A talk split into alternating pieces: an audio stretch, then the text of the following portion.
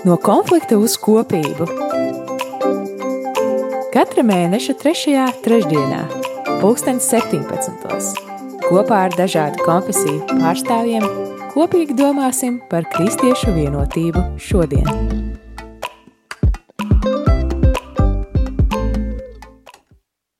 Labdien, mīļie radio arī klausītāji!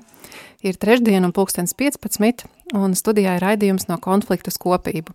Mani sauc Kristīna Lazdiņa, un eh, es šodien esmu aicinājusi raidījuma viesus, un mēs kopīgi runāsim un pārdomāsim tēmu kristība. Eh, pirms paša raidījuma vēlos jūs iepazīstināt ar šīs dienas viesiem.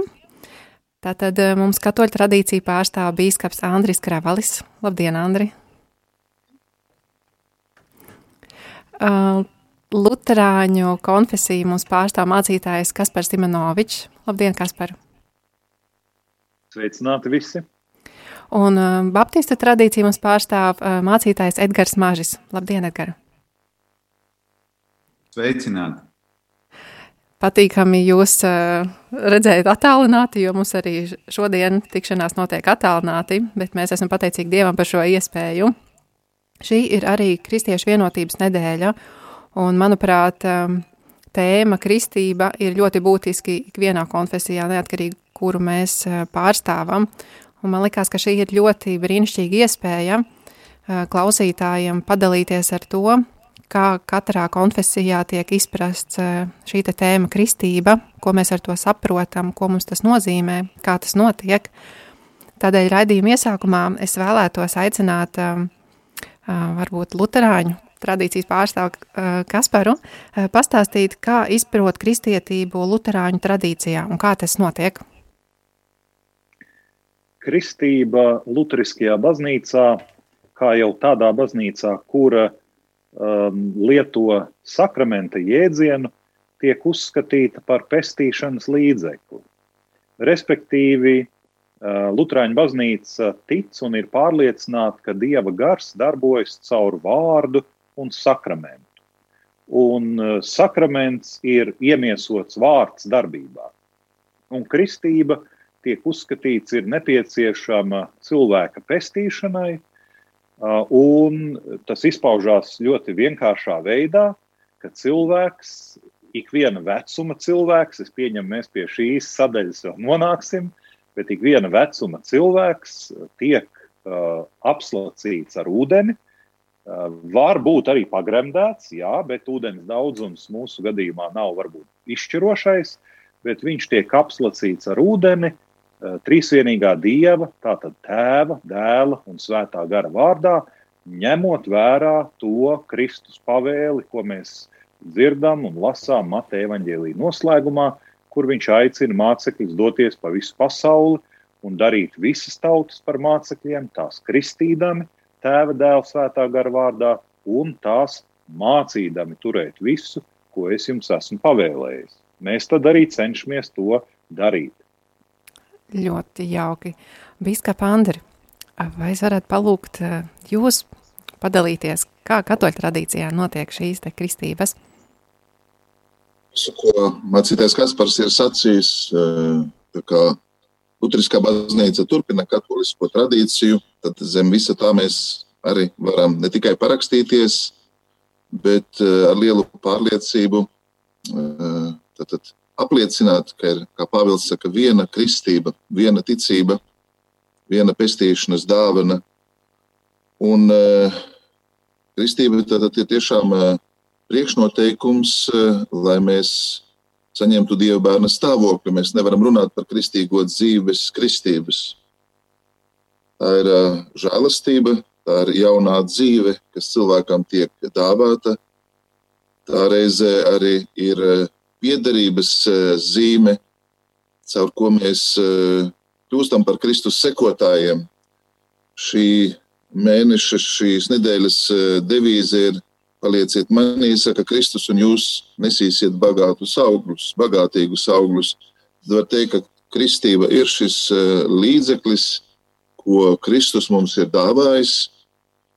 Jā, vecajā derībā bija dažādi šķīstīšanās veidi, formas, un mēs pazīstam Jāni Kristītāju, kas ir kā tilts starp abām derībām, un viņš arī aicina uz grēku nožēlas kristību, tad Kristus caur savu upuri, dāvājot cilvēkam pestīšanu, caur kristību, ievet cilvēkus glābšanas teiksim, realitātē un piešķir svēto garu, dāvā iezimtā grēka, tādas zaudēšanas, žēlastību, garīgu brīvību un dieva bērna stāvokli.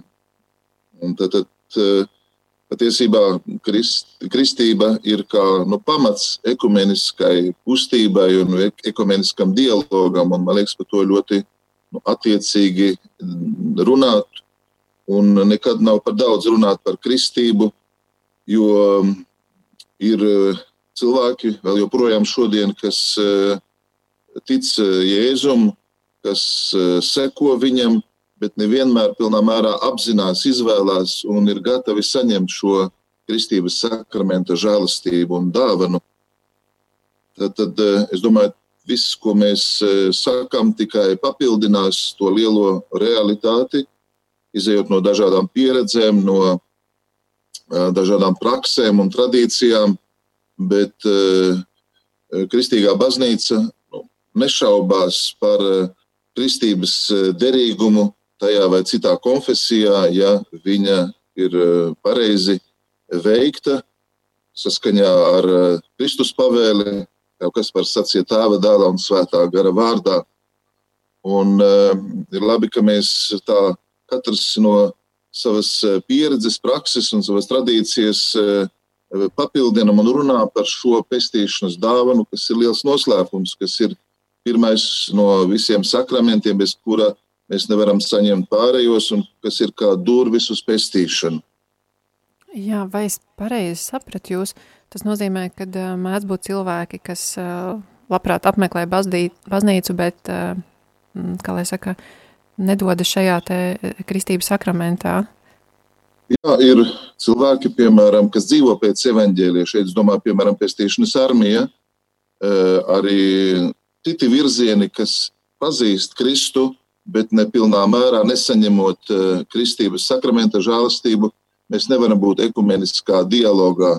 Nu, piemēram, eh, Jahoves liecinieki, mormoņi, eh, kas balstās uz dažiem svarīgiem kristīgās atklāsmes elementiem, bet bez kristības šis dialogs un šī pestīšanas dāvana netiek saņemta. Mēs tad pājam garām ļoti lielai žēlastībai. Tieši tāpēc vēl jau vairāk ir jārunā par šo Kristus pavēli, kā jau Kaspars to īpaši izcēla. Jā, mēs mazliet, mazliet tālāk raidījuma gaitā pieskārsimies arī par šo, kas tad ir tā derīga kristība, bet es šobrīd gribētu lūgt protestantu pārstāvim mācītājiem Edgaram pastāstīt, kā baptistu tradīcijā šī kristība tiek izprasta un kā, kā tur tas notiek.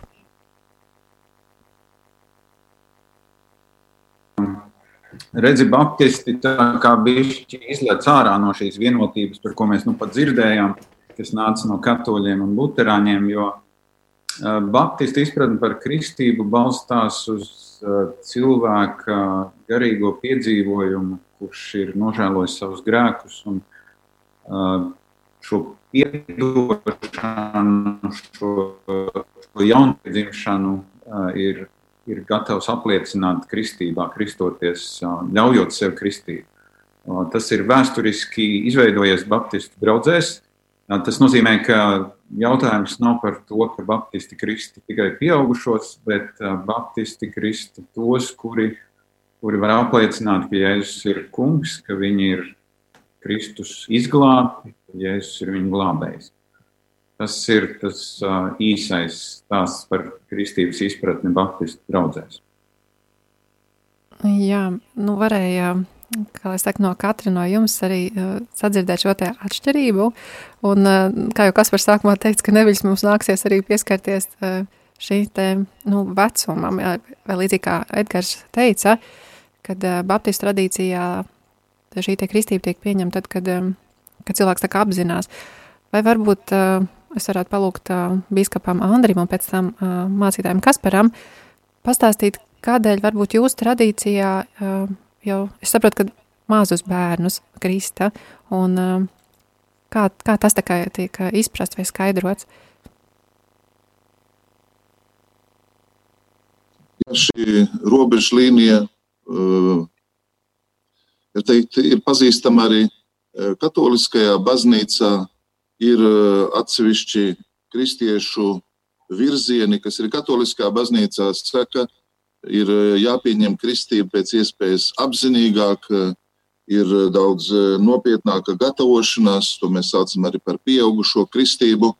Un tas, par ko runā mācītājs Edgars, mums nav svešs un ir pilnīgi saprotams. Bet, ja tieši atbildēt uz, uz jūsu jautājumu, no kurienes un kāpēc mēs kristam bērnus, mēs teiktu, pirmkārt jau tāpēc, ka mēs redzam, ka šāda prakse ir bijusi jau apstuļu laikos. Varam lasīt gan apstuļu darbos, gan Pāvila vēstulēs, ka piemēram cilvēks un viss viņa nams eh, pieņem kristību, tiek kristīts. Un eh, tad, tad eh, baznīca tādā savā mātišķā mīlestībā, domājot par pestīšanu, nevēlas, lai šī dāvana paietu garām bērniem, un cilvēki vienmēr, tā var teikt, katoliskā tradīcijā ir centušies pēc iespējas ātrāk nokristīt bērnus, ne tikai tāpēc, ka viņi domā, ka tā ir kāda aizsardzība, bet zina, ka dievišķā dzīve nu, ir iesākusies caur kristību bērnā, pat ja viņš šo brīdi neatcerēsies, pat ja viņš apzinīgi to nevar pieņemt un izdzīvot.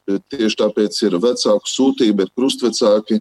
Mēs ticam arī kristības žēlastības spēkam, kas noslēpumainā veidā kļūst klātesošs un e, darbojas. Un bērnam pieaugot, viņš jau sevī nes šo kristības sakramenta žēlastību, šo dāvanu. Tāda varbūt ir nu, mūsu pieredze un izpratne Un eh, jāatzīst, ka varbūt eh, tieši tāpēc, ka eh, mēs varbūt nesam pilnā mērā palīdzējuši bērniem pieaugt, vai pieaugot, viņi ir aizmirsuši šo dāvanu, ko viņi sevī nes, tad īstenībā arī baznīcas vēsturē tieši Baptistu kustība nāca kā nu, atgādinājums, kā aktualizācija šai realitātei, ka nekas kristīgā dzīvē nav automātiski vai pašsaprotami, bet mēs vairāk redzam arī cilvēka līdzdarbību Dieva žēlastībai. Mēs arī sagatavojam sevi tai dāvanai, jo caur kristību mēs iemantojam ticību. Mazliet vēlāk brāļi runās un attīstīs, ir trīs dievišķi tikumi, kas tiek dāvāti kristībā - ticība, cerība un mīlestība. Un tad mēs ticam, ka mazs bērns jau šo dievišķo, mēs to saucam vēl par teologālo dzīvi, saņem kristības brīdī, pat ja viņš vēl ir mazs, pilnā mērā neapzinoties dāvanas nozīmi, bet šī žēlastība viņam tiek piešķirta. Paldies! Kaspar, vai tu varētu pakomentēt, lūdzu? Jā, gribētu tikai sacīt, ka Lutriskā baznīca kā jau Andris, Bīskaps Andris sacīja, seko katoliskās baznīcas pēdās eh, daudzos jautājumos, un arī šajā eh, Lutera paša arguments savulaik eh, bija tāds ļoti nu, pragmatisks, vēsturisks. Viņš teica tā, ja bērnu kristība būtu bijusi aplama, tad nu, mums nebūtu neviena kristieša, jo ta, uz to laiku, tajā laikā jau visi tika kristīti kā mazi bērni. Un viņš saka, tad jau nevienam no viņiem netiktu dots svētais gars, ja tā būtu bijusi kāda liela aplumība. Tas bija tāds viņa tāds ļoti praktiskais, tāda ļoti praktiska atbilde uh, toreiz uh, anabaptistiem.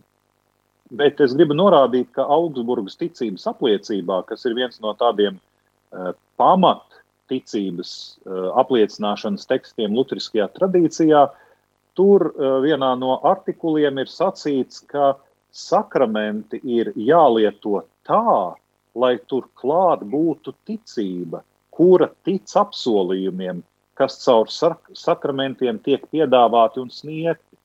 Respektīvi, jā, arī Lutriskā baznīca uzsver, ka ticībai ir ļoti liela vai izšķiroša nozīme, saņemot sakramentus. Un šajā mirklī eh, es gribētu pievērst mūsu klausītāju uzmanību, ka atšķirība starp tiem, kuri krista mazus bērnus, un tiem, kuri krista tikai cilvēkus apzinātajā vecumā, kad viņi spēja paši apliecināt, tā atšķirība, manuprāt, ir tieši ticības izpratnē. Uh, Edgars mani var, protams, pakoriģēt, bet es uzdrīkstēšos sacīt, ka uh, Baptistu tradīcijā un līdzīgās tradīcijās ticības izpratne vairāk ir tāda, nu, intelektuāla. Tādā ziņā, ka tev jāsaprot, ko tu dari, Tev ir jāizprot, ko tu dari. Tev ir bijis jāizdomā, jāpārdomā visi par un pret. Tev ir bijis tā sakot, tas viss iekšēji jāprocesē, jāapstrādā. Un tad tu pieņem lēmumu, ka tu rīkosies tā un citādāk. Man liekas, ka senākajās tradīcijās ticības izpratne nav tik daudz tajā intelektuālajā virzienā, kā drīzāk tādā eksistenciālas atvērtības virzienā. Respektīvi, mazais bērns ir absolūti atvērts tai pasaulē, kurā viņš atrodas. Viņš ir absolūti atvērts tam, ko viņam sniedz vecāki. Viņš ir absolūti atvērts tam, tajā skaitā, ko viņam sniedz Dievs. Un jo lielāki mēs kļūstam, jo vairāk barjeru mūsos parādās. Tā skaitā intelektuāls, tā skaitā ticības un tam līdzīgi. Bet, kad mēs esam mazi bērni, mēs esam nu, tik atvērti dieva žēlastībai, cik vien var būt. Un es uzdrošināšos sacīt, ka mazajā zīdainītī, kuru baznīca kristīja, varbūt ir vairāk atvērtības un paļāvības nekā pēc tam vienā pieaugušajā kurš cīnās ar, ar visādām iedomām, ar visādiem aizspriedumiem un ar, ar, ar visādu neticību pats sevī. Jā, un tad, kad viņš to visu ir pārvarējis, nu, tad, jā, tad var teikt, ka viņa ticība ir nu, dziļa, varbūt un fundamentāla. Un tad viņš lūk, ir aizgājis pie baptistiem un izdomā, ka viņš grib beidzot kristīties. Es ticu, ka uh, baptistiem nav mērķis mazus bērnus atraidīt. Edgars, vai tu varētu pakomentēt, uh, Kā, kā domāju, jā, par, par maziem bērniem? Daļai, jā, es tev daļēji kas par piekrītu par to racionalizāciju. Man šķiet, ka, ka baptistu tā izpratnē par bērniem ir, ir saistīta ar bērnu svētīšanu vai kaut vai ar to, ka, nu, ka Jēzus arī kā zīdainis tika atnests uz templi un, un tur, viņš, tur viņš tika svētīts un tika pienests arī kāds rituāls. Un, Um, tāpēc, teiksim, nu, Baptisti par zīdaiņiem aizlūdz Dievu, un tas notiek draudzes vidū, un tiek izlūgta Dieva žēlastība, lai, lai Dievs un Dieva gars vada šo, šo mazuli līdz tai dienai, kad viņš varēs vai viņa apliecināt savu, savu ticību kristībām. Tur tas nav tāds, nu, tas nav tikai tā no sērijas, ka, nu, ja tu visu saproti, Otra lieta, es domāju, ka Baptisti vairāk akcentē tās raksturvietas, kur ir runa par to, eh, ka cilvēks, nu, kaut vai Marka 16 garais eh, noslēgums, kas tic un to kristīts, vai arī tad, kad Pāvils no cietuma tiek atbrīvots, tad, tad viņš, tad, tas cietumsargs uzdod ļoti labu jautājumu, ko man darīt. Protams, to pašu raksturvietu var izmantot arī domājot par zīdaiņu kristību, jo kristīja viņu un visu, visu namu. Man šķiet, ka tajā ziņā jaunā derība pieļauj gan vienu, gan otru. Un, un šeit, nu, droši vien katrs no savas baznīcas puses varētu teikt, nu, es esmu sapratis vislabāk to situāciju. Bet, bet es pat teiktu, ka tā nav problēma. Vismaz man tā nav problēma. Jā, skatoties uz to, ka ir, ir zīdaiņa kristība un ka ir kristība apzinātajā vecumā. Jaunākais, ko es esmu kristījis, ir bijis astoņus gadus vecs zēns. Un, un tur tajā ziņā nu, es teiktu, ka problēma būs vēlāk, kad mēs runāsim par kristības atzīšanu. Tur gan radīsies kādas problēmas. Jā, paldies. Nu, tā kā mums tādi dziļāki jautājumi stāv priekšā, tad pirms mēs dodamies viņos ienirt, es piedāvāju nelielu muzikālu pauzīti, un pēc tam turpināsim šo tēmu.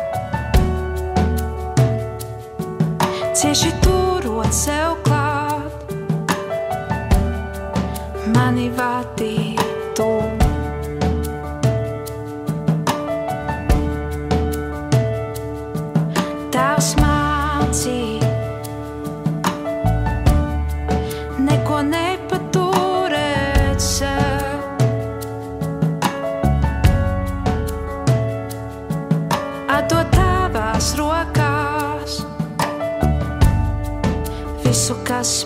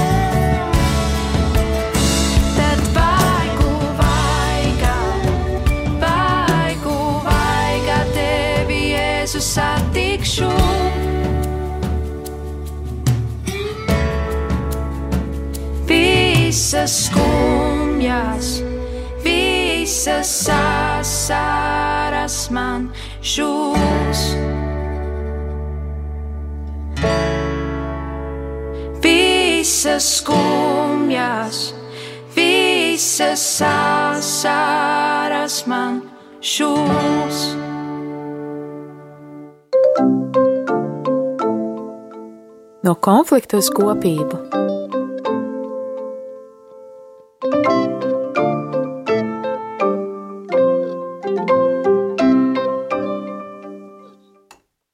Dargie radiokamā arī klausītāji, studijā ir raidījums no konfliktu uz kopību, un mani sauc Kristīna Lazdiņa.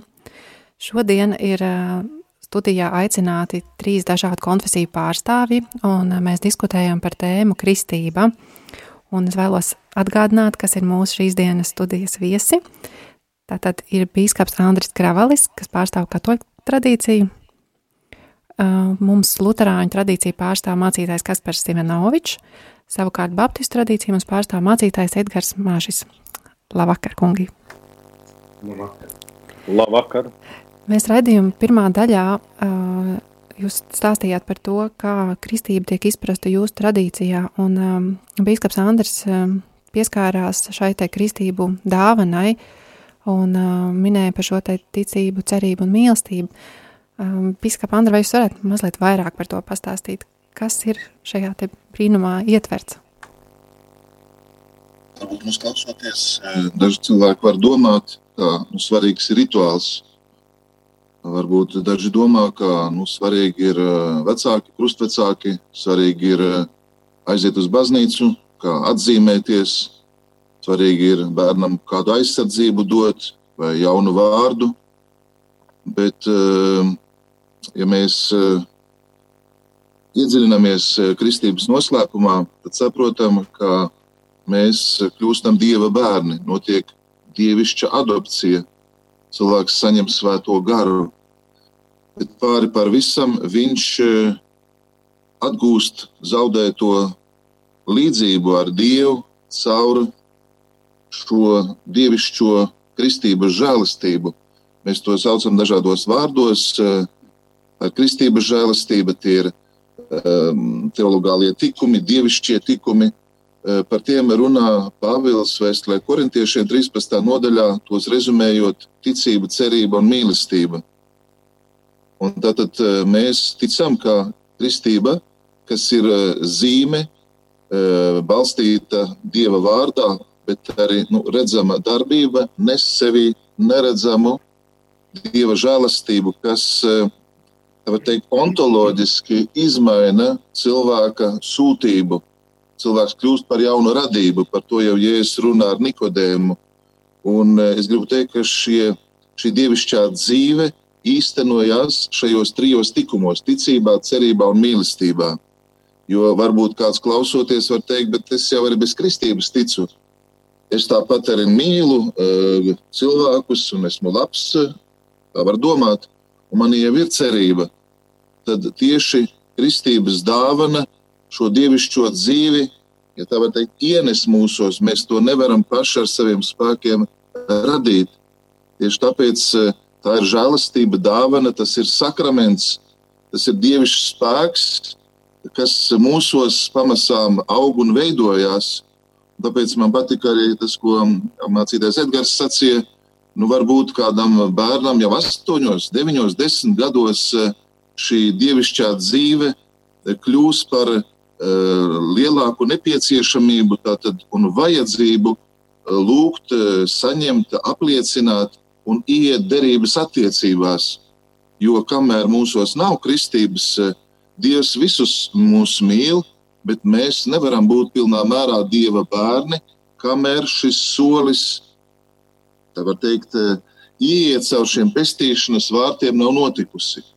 Un, tas, protams, nu, iezīmē bērnu Eh, katoliskā tradīcija saka, ja bērns, piemēram, aiziet ātrāk mūžībā, bet viņam ir piešķirta šī dāvana, tad eh, īpašā veidā mēs nu, ticam, ka šī žēlastība viņu eh, ievedīs pestīšanas pilnībā. Un tieši tāpēc es gribu teikt, ka šī vēlme kristīt pēc iespējas ātrāk, viņa nav tikai katoliskā tradīcijā, bet, piemēram, mēs paskatītos pareizcīgā tradīcijā, tad kristībās vēl uh, austrumu tradīcijā dot iestiprināšanas sakramentu un pat šim mazajam bērnam dot jau svēto vakarēdienu, svēto komuniju. Tad viņš pilnīgi uh, vēl nav gatavs un neapzinās, kas notiek, bet šī ticība sakramentālam dieva žēlastības spēkam uh, tad, tad, mm, dara cilvēku tiešām par, par dieva svētnīcu, par, par svētā gara mājokli. Uh, neskatoties uz to, ka viņa griba un e, viņa prāts vēl nav pietiekoši attīstījies, lai to saprastu, teorētiski pieņemtu, bet dvēsele priecājās. Un, e, tāpēc varbūt šeit būtu tāda mazliet atšķirība. E, un, un šie trīs dievišķie tikumi, ja mēs pie tiem atgriežamies, ticība, cerība, mīlestība, ir tieši tā dāvana, ar ko mēs atšķiramies no nekristītiem cilvēkiem. Tā nav tikai formāla piederība baznīcai, bet dievišķā dzīve, kas iesākās cilvēkā. Mēs nesam sevi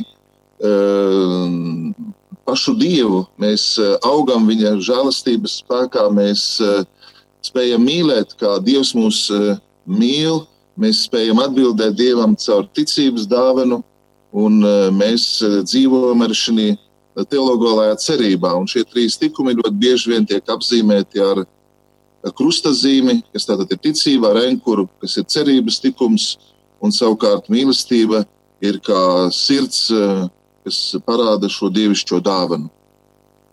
Paldies! Um, Mācītāji Edgars, um, par šo te pašu um, dāvanu, ticību, cerību un mīlestību. Um, kā, vai baptisti kaut kā savādāk uz to raugās, vai ir kaut kas papildināms? Es domāju, ka neko daudz nevar piebilst. Man liekas, drīzāk tas, nu, kā jau es teicu, jautājums, kas, kas varbūt ir atšķirīgs, ir par to, ka, ka, ka baptistu izpratne ir par to, ka tas mazulis, tas zīdainis, kurš arī tiek svētīts un tādā veidā nodots Dieva žēlastībai, ka, ka tā nepieciešamība viņu kristīt pēc iespējas ātrāk, vienkārši tajā baptistu izpratnē viņa nav. Bet par ticību, cerību, mīlestību, protams, ka, ka šajās trīs, šajos trīs lielajos tikumos jau, es domāju, neviens par to nestrīdās. Mēs esam aicināti dzīvot un palikt. Jā. Mācītāji, kas par vai jums ir kaut kas piebilstams pie pie šī? Uh, jā, protams, arī Lutriskajā tradīcijā varbūt nav īpaši uzsvērti šie trīs tikumi, kā tādi atsevišķi kaut kādi, par kuriem būtu bijusi polemika vai būtu bijis jādiskutē. Es tikai ļoti novērtēju Bīskapa Andra atgādinājumu, ka Dievam, Dievs jau mūs mīl tādus, kādi mēs esam kopš, kopš radīšanas brīža, kopš uh, domas brīža par mūsu eksistenci. Mēs tur neko nevaram ne pielikt, ne atņemt. Tas neko nevar izmainīt. To dieva mīlestību jau atcelt nevar nekas. Un līdz ar to tas mani vedina domāt, ka varbūt kristību sakramentu mēs varam uzlūkot kā tādu iniciācijas rituālam līdzīgu kaut ko. Respektīvi, tāpat kā kopiena Viņa jau mīl un pieņem ikvienu savas, uh, savu locekli, bet kaut kādos noteiktos brīžos, lūk, piemēram, tam bērnam, lai viņš pilnvērtīgi ieietu pieaugušo pasaulē, vai, piemēram, tam jaundzimušajam, lai viņš tiktu pilnvērtīgi uzņemts tajā kopienā, viņš vienalga piedzīvo to ļoti nozīmīgo rituālu, kas viņam visu mūžu atgādinās, ka tu esi pieņemts. Tu esi laipni aicināti šajā pasaulē. Un es domāju, ka kristības sakraments pilda šo ļoti svarīgo funkciju. Un tam bērnam, vai vienalga tam cilvēkam, tiek sacīts, tu esi ienācis ne tikai fiziskā pasaulē, bet tu esi laipni gaidīts arī garīgajā pasaulē. Un no šī brīža, kad tu piedzīvo šo kristību mirkli, tavā priekšā ir ticība, cerība, mīlestība. Šie trīs fundamentālie avoti, no kuriem tu turpmāk varēsi smelt un smelt un smelt tik, cik vien tev vajadzēs savā dzīvē. Kāda liela bagātība. Jā, Bīskapa Andri. Jā, šeit eh, es gribu mazliet reaģēt, jo kas var pateikt kaut ko ļoti svarīgu, lietojot vārdu iniciācija. Es domāju, ka šeit varbūt tieši Baptistu tradīcija mums ir likusi eh, dziļāk iedziļināties kristības dāvanā un redzēt varbūt arī tās eh, teikt, nepilnības cilvēku izpratnē. Un, protams, kristības sakraments ir ievads, ir sakraments pats par sevi, bet īpaši pēc otrā Vatikāna koncila tiek uzsvērts, ka tas ir tikai ievads, bet iniciācija, bet tas nav noslēgums, jo Pēc tam jau cilvēkam vajag ar prātu, ar sirdi, arī iegūstot zināšanas, asimilējot dieva vārdu. Un tāpēc pēc kristības sekos evaharistija, kad cilvēks saņem dievmaizīti un iniciācijas sakraments noslēdzās tieši iestiprināšanas sakramentā, katoliskā tradīcijā, lai dotu iespēju eh, cilvēkam, bērnam, pusaudzim vai jau nobriedušam kristietim pilnā mērā atbildēt uz šo aicinājumu. Jo eh, kristība dod sūtību, tas ir aicinājums. Bet jūs varat teikt, nu, kāds mazajam zīdainim ir aicinājums, ja viņš šo brīdi neatcerēsies, un nu, kā tad tas īstenosies viņa dzīvē. Un tāpēc visa kristīgā dzīve ir process. Un šis iniciācijas aspekts, šis moments ir ļoti, ļoti svarīgs. Ar to vien nepietiek, ka mēs esam kristīti, bet Dievs aicina nemitīgi uz lielāku tuvību, uz, uz lielāku dieva žēlastības dzīvi, ko pārējie sakramenti nodrošina. Tāpēc mūsu tradīcijā visus šos trīs sakramentus mēs tā arī saucam par iniciācijas sakramentiem un redzam kristību kā tādu procesa sākumu, kas ieved noteiktajā stāvoklī, bet uh, bērns pieaug, attīstās, viņš uh, atklāja kristīgo dzīvi, viņš redz kristiešu liecību, viņš iepazīstās ar draugu, un šis process viņā turpinās, lai viņš sasniegtu kristīgo briedumu. Jo tieši to mums Baptistu baznīca atgādina, ja nav cilvēka apzinīgas atbildes šai dāvanai, tad uh, šī dāvana nevar cilvēkā iesakņoties, viņa nevar pārņemt viņa, ja tā var teikt, iekšējo garīgo pasauli. Jo, ja nē, tad uh, varētu teikt, ka nu, mēs, Katoļu baznīca, kā maģiski piešķiram sakramentus, bet tas patiešām tā nav. Mēs uh, cenšamies to nu, skaidrot un ievest uh, bērnus tādā nu, procesā, izaugsmes procesā, un tas pat arī ir, ir ar pieaugušajiem. Es domāju, ka tā bija ļoti, ļoti svarīga piezīme par iniciācijas procesu, kas uh, parāda, ka kristīgā dzīve ir process. Jā, jūs pieminējāt šo jēdzienu iniciāciju. Varbūt kādam no klausītājiem nav īsti skaidrs, vai jūs, kungu, varētu izskaidrot mazliet citādākiem vārdiem, kā varētu pateikt, kas ir šī iniciācija. Par lūdzu? Nē, nu citās, citās kultūrās, un varbūt kultūrās, kas vairāk ir saistītas ar dabas procesiem, iniciācijas rituāli notiek ik pa laikam dzīvē. Proti, kad cilvēkam ir sakot, jāpāriet no kaut kāda iepriekšējā sava stāvokļa attiecīgajā sabiedrībā nākamajā pakāpē.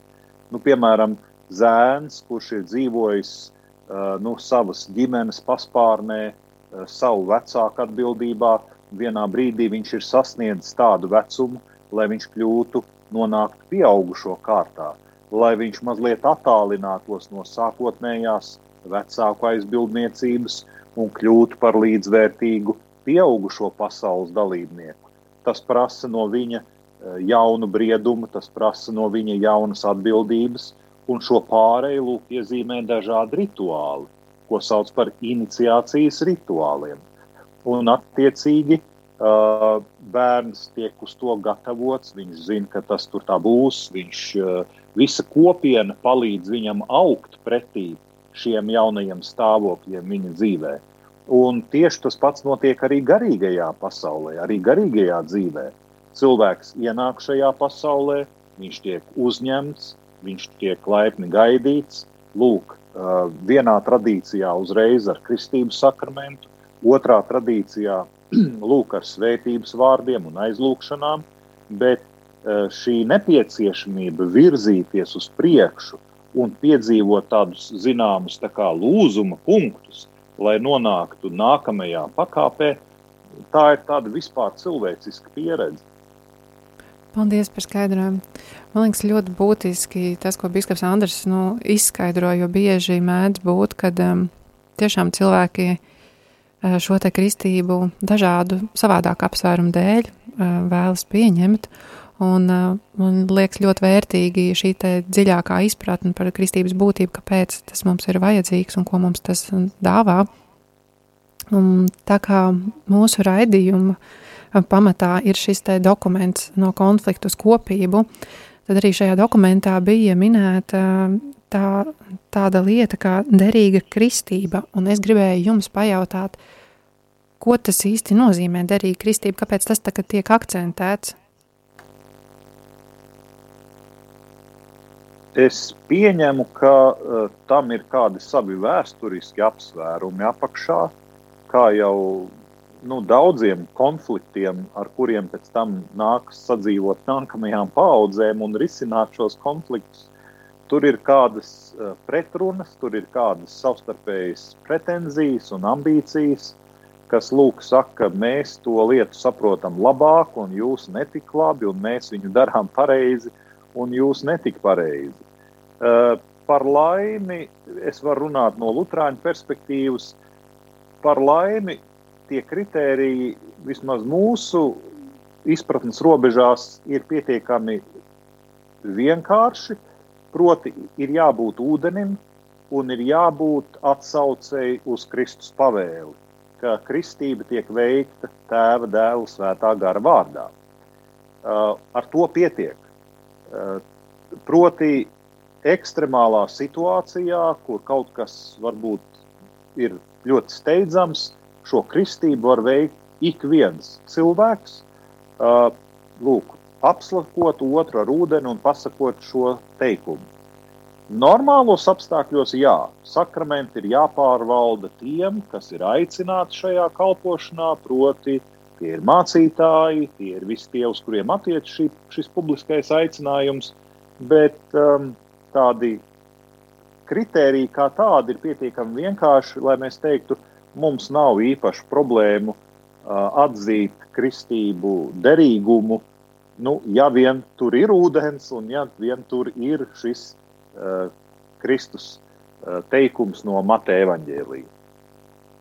Tas nozīmē, ka um, tā pārbauda notiek pajautājot, kā tev šī kristība notika? Jā, ja tur, nav, ja tur nav kaut kādi dokumentāli apliecinājumi, un vienīgais ir paša cilvēka liecība, tad patiešām pajautājot, vai viņš zina, kā šī kristība tika veikta, un ja viņš ir spējīgs to apliecināt, tad neapšaubām, protams. Raidījuma sākumā kāds no jums arī pieskārās tam, ka um, ir konfesijas, uh, kurā ir savādāk, kur, manuprāt, uh, Bīskaps Andrs minēja par, par to, uh, vai tiešām ir arī citas konfesijas uh, vai tradīcijas, kurā, kas ir kristieši, bet uh, nav šie elementi ūdens un Jā, es redzu, ka Bīskaps Andrs varbūt varētu nokomentēt. Tad, tad, nu, ja nav kristības sakramenta, tad mēs nevaram būt ekumeniskā dialogā. Tad kaut kas ļoti būtisks no ticības satura, es pieminēju, varbūt nu, pestīšanas armija vai vēl citas kristiešu kopienas, kas tātad dzīvo pēc evaņģēlija un dara daudz labu, bet agri vai vēl arī nu, pestīšanas armijā daudz cilvēku personīgi pazīstot, pieņem kristības dāvanu. Tā nevajadzētu absolutizēt un teikt, tiem cilvēkiem nav kristības. Ehm, manuprāt, tas, ko tēvs Kaspars sacīja, ir ļoti, ļoti svarīgi, jo man ir bijuši gadījumi, kad cilvēks saka, man ir kristie, bet es neatceros, ka bija ūdens. Un, ja cilvēks tiešām to nevar atcerēties, nu, tad mēs zem nosacījuma šo kristības ritu izdarām otrais. Ehm, runājot par pieaugušo cilvēku kristību, ir tomēr vēl arī priekšnoteikumi. Ehm, tas nav vienkārši laba griba, es nāku un lūdzu nokristiet mani bet eh, nu, jau no pusaudža vecuma mēs to saucam baznīcā par tādiem prāta gadiem, kad cilvēks jau kā bērns eh, spēj saprast labo un ļauno. Viņš apgūst arī ticības saturu, un, ja jūs īsi man jautātu, kas ir nepieciešams, lai nokristītos, kas ir tas būtiskākais, pirmkārt, tā ir vēlme pēc kristības, otrkārt, tas ir trīsvienības noslēpums, kurā mēs caur kristību ieejam, kurā mēs tiekam iezīmēti. Tēva, dēla un svētā gara eh, mīlestības kopība. Un, protams, eh, Jēzus Kristus persona, viņa mācība, viņa mantojums, eh, viņa dzīve.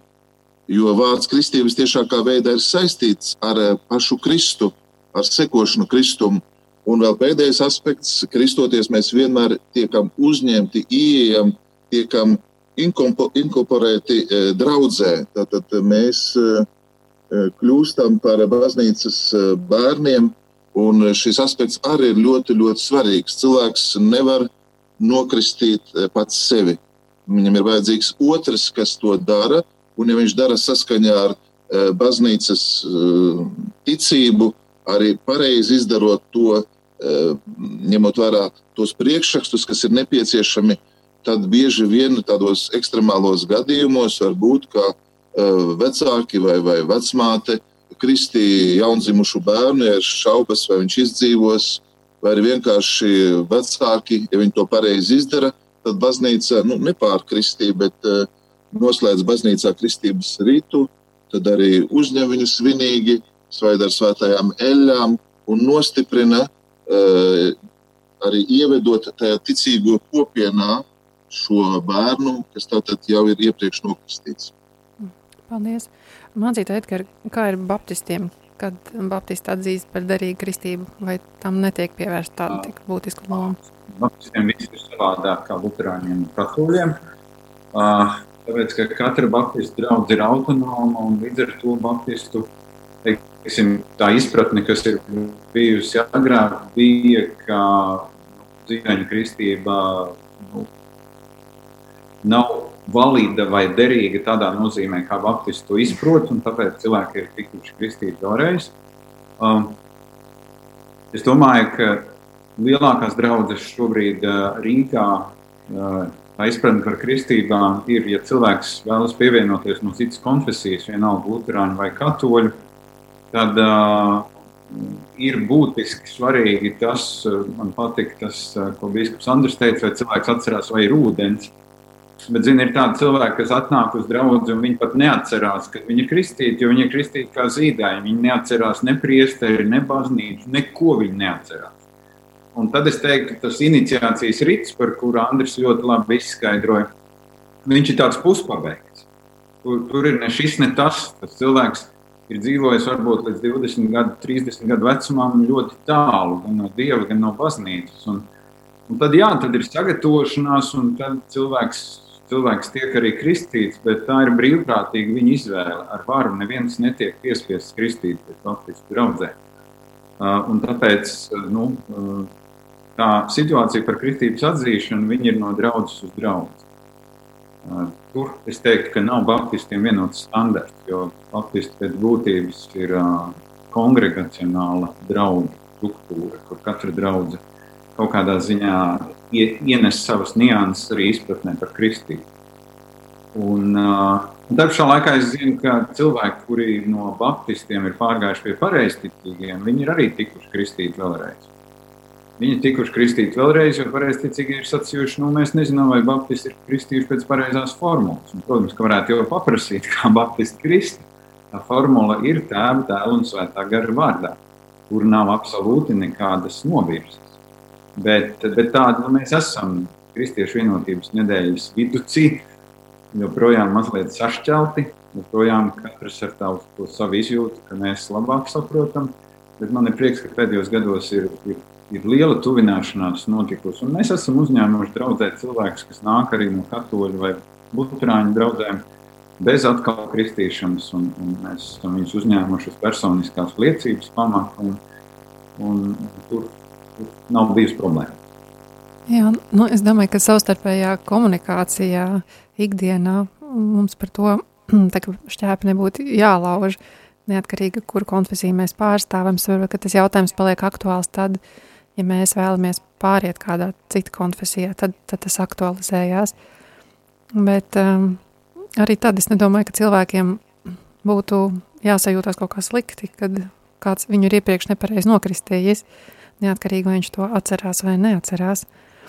Uh, es gribēju aicināt jūs uh, izteikties, tā kā tas ir kristie, šī, šī nedēļa, kristiešu vienotības nedēļa, tad um, tas vienojošais uh, elements, lai mēs tā kā otru atzītu, ir šis, šis ko jūs jau minējāt, vai ir, ir kaut kas cits vēl?